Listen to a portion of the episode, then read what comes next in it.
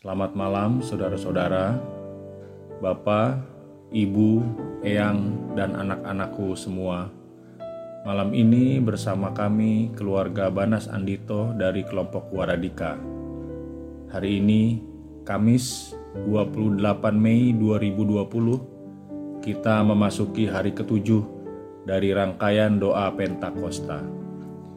Marilah kita memasuki saat teduh dengan menyanyikan Datanglah ya Roh Kudus.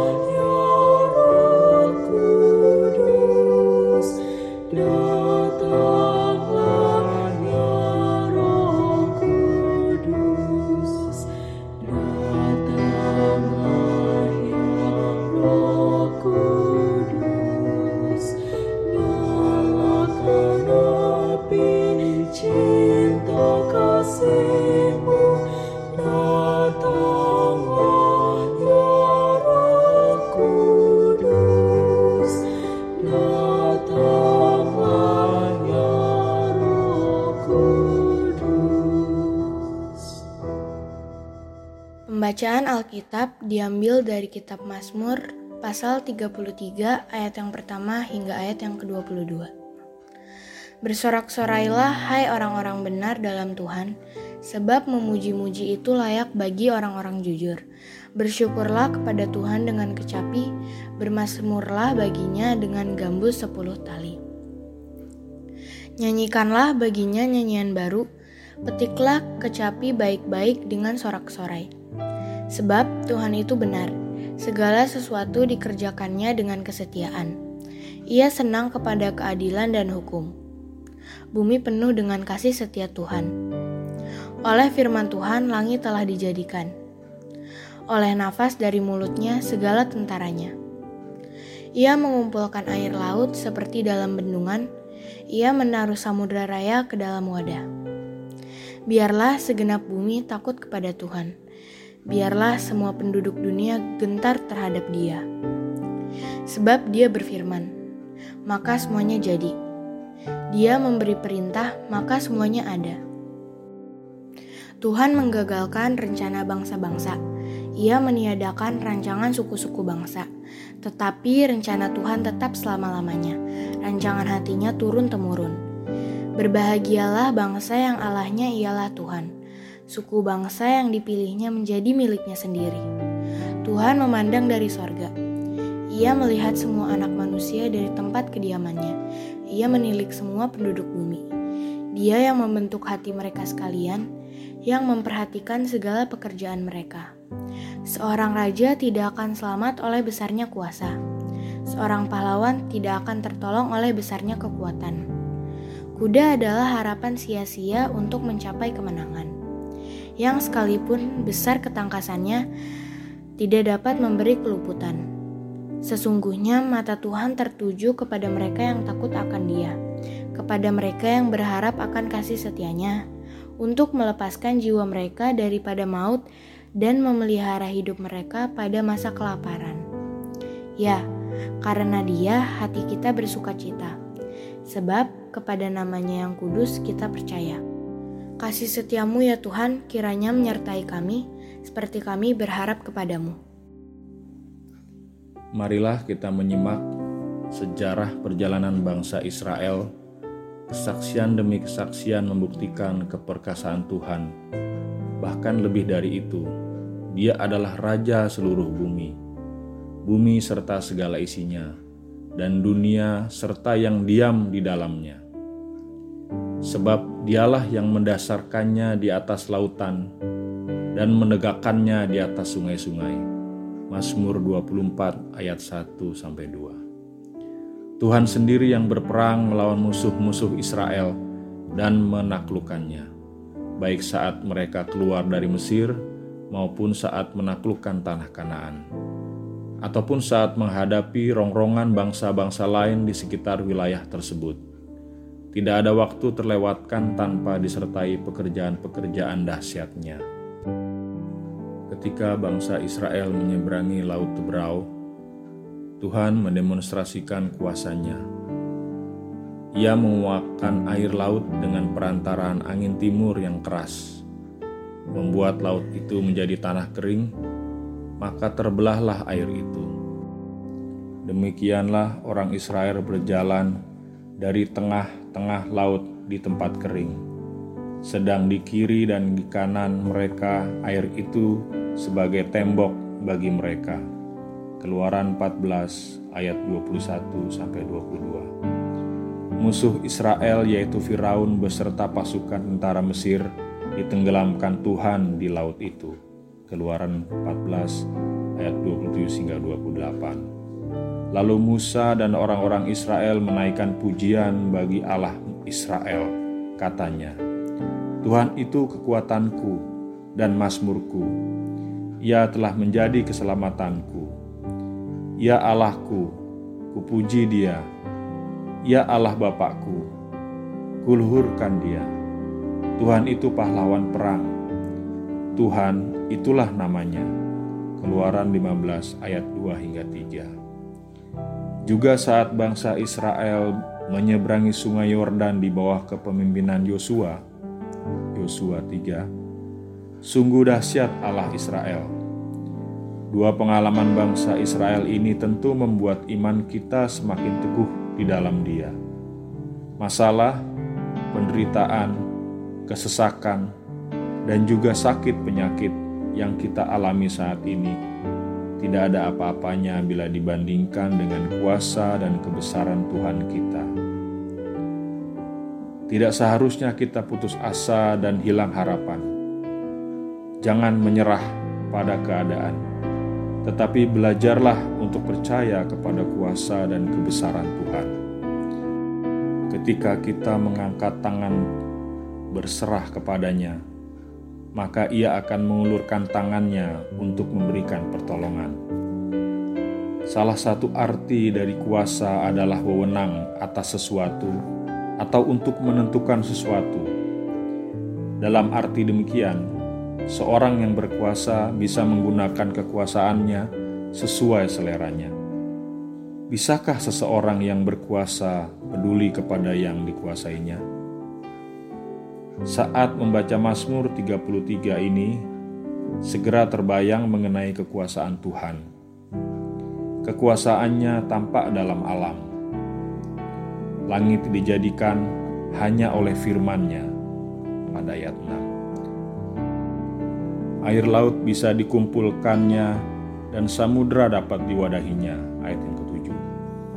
Kekuasaannya dibandingkan dengan berbagai kekuatan yang sering kali diandalkan oleh manusia. Kalau raja-raja memiliki kekuasaan, maka kuasa Tuhan jauh melampaui mereka. Ayat yang ke-16. Jika dibandingkan dengan kekuatan seorang pahlawan, maka kekuatan Tuhan tidak ada batasnya. Ayat yang ke-16. Kuda yang hebat pun tidak sehebat Tuhan. Ayat yang ke-17. Namun, Tuhan yang berkuasa itu tidak digambarkan sebagai penguasa yang arogan, karena Dia tidak bertindak sewenang-wenang. Malahan, Dia peduli dengan ciptaannya. Dia memandang dari sorga untuk menilik anak-anak manusia. Ayat yang ke-13.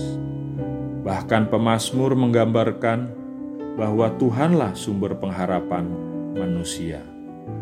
Ayat 20 hingga 22. Itu sebabnya pemazmur mengajak umat senantiasa memuji-muji Tuhan. Tuhan yang berkuasa tetapi tetap peduli membuat kita percaya diri menjalani kehidupan ini. Tidak ada yang perlu dikhawatirkan karena Dia berkuasa atas segala sesuatu. Sebab itu, Tuhan dapat dijadikan sumber pengharapan kita. Untuk alasan inilah, kita harus menjalani hidup penuh puji-pujian kepada Tuhan.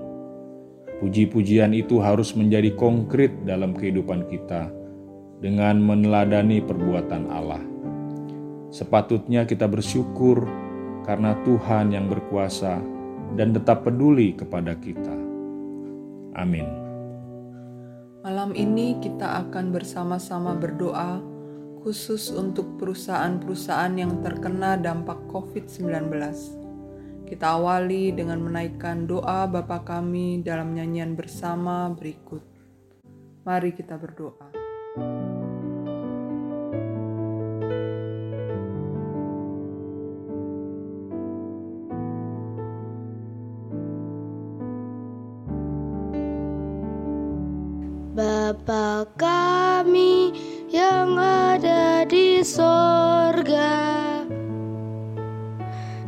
Dikuduskanlah namamu Datanglah kerajaanmu Jadilah kehendakmu Di bumi seperti di sorga Beri kami hari ini makanan yang secukupnya. Ampuni salah kami seperti kami ampuni yang bersalah pada kami. Jangan bawa kami dalam pencobaan melainkan lepaskan kami dari yang jahat sebab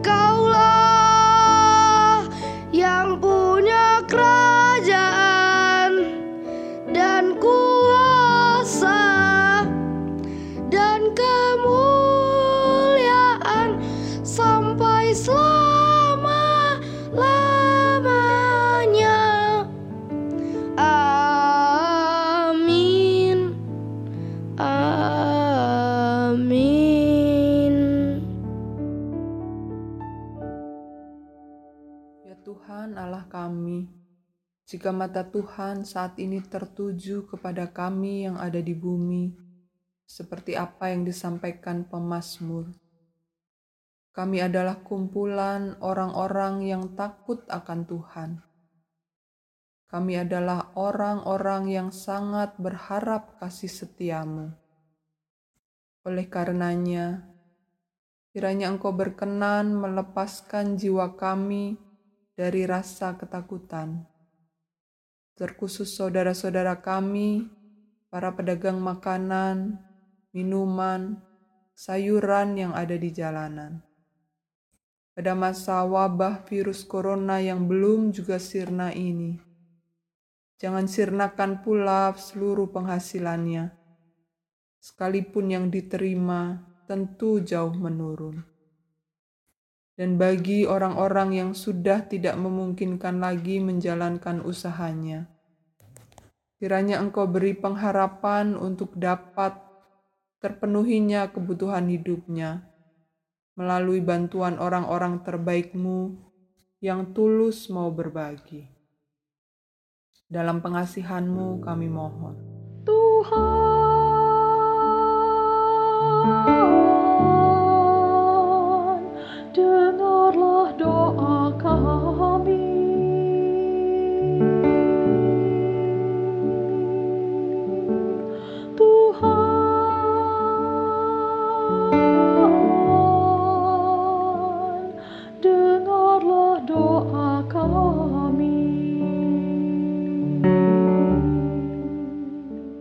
Tuhan, Sang Sumber Pengharapan, kiranya mata Tuhan tertuju pula kepada saudara-saudara kami yang sebenarnya kesehariannya terpenuhi dari usahanya di bidang angkutan, baik itu pesawat, kereta, bus, travel, bahkan para ojek online yang pada akhirnya tidak ada lagi pemasukan seiring dengan pergerakan usahanya terhenti akibat pandemi COVID-19. Biarlah tangan Tuhan menolong dengan cara yang ajaib, yang tidak pernah terkirakan oleh siapa pun, agar kebutuhan hidupnya tercukupi oleh sumber lain yang tidak pernah mereka duga, sehingga harapan kehidupannya akan segera tampak dan nama Tuhan makin dimuliakan.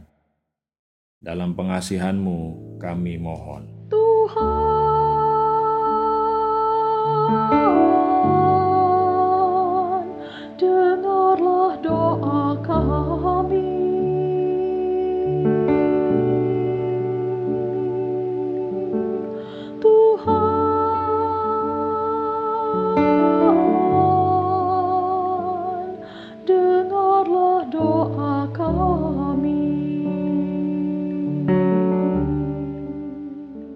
Tuhan yang Maha Bijak, hati kami juga tertuju kepada saudara-saudara kami, para buruh karyawan pabrik, yang dalam kesehariannya saja sangat terbatas, karena kecilnya gaji yang diterima setiap bulan. Kini harus mengalami kekhawatiran besar, karena tidak boleh lagi bekerja dan terancam oleh PHK. Kiranya mata Tuhan berkenan untuk tertuju pula kepada para pemimpin perusahaan tersebut agar menerima hikmat hanya darimu saja dalam mengambil kebijakan demi tetap berlangsungnya perusahaan sekaligus kelangsungan hidup para karyawannya. Dalam pengasihanmu kami mohon. Tuhan,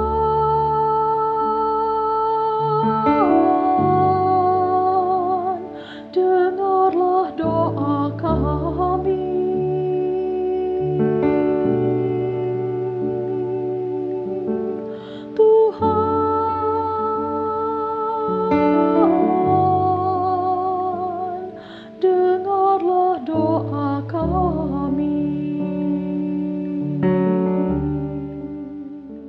Allah, sumber kekuatan. Kami juga berdoa untuk perusahaan-perusahaan layanan masyarakat yang tidak mungkin menghentikan perusahaannya secara penuh, seperti dokter, perawat, dan para medis yang bekerja di rumah sakit-rumah sakit, para karyawan bank, ataupun para wartawan, reporter yang bekerja di bidang media. Kiranya Tuhan, Sang Sumber Kekuatan, memberi kesehatan dan kekuatan yang prima untuk mereka, sehingga mampu menjalankan tugas dengan sebaik-baiknya, tanpa harus terganggu kesehatannya. Dalam pengasihanmu kami mohon. Tuhan,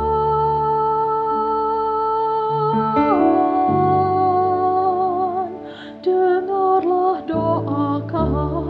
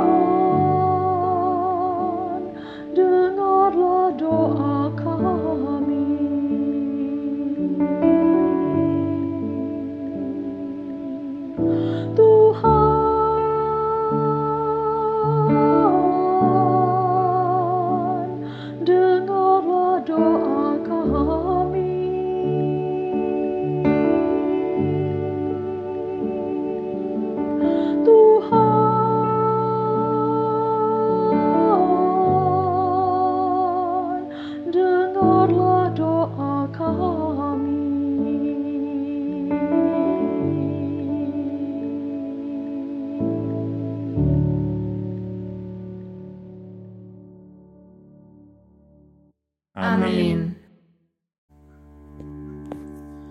Kiranya Allah, sumber pengharapan, memenuhi kita semua dengan segala sukacita dan damai sejahtera dalam iman kita, supaya oleh kekuatan Roh Kudus kita berlimpah-limpah dalam pengharapan. Selamat malam, selamat beristirahat. Tuhan menjaga kita semua.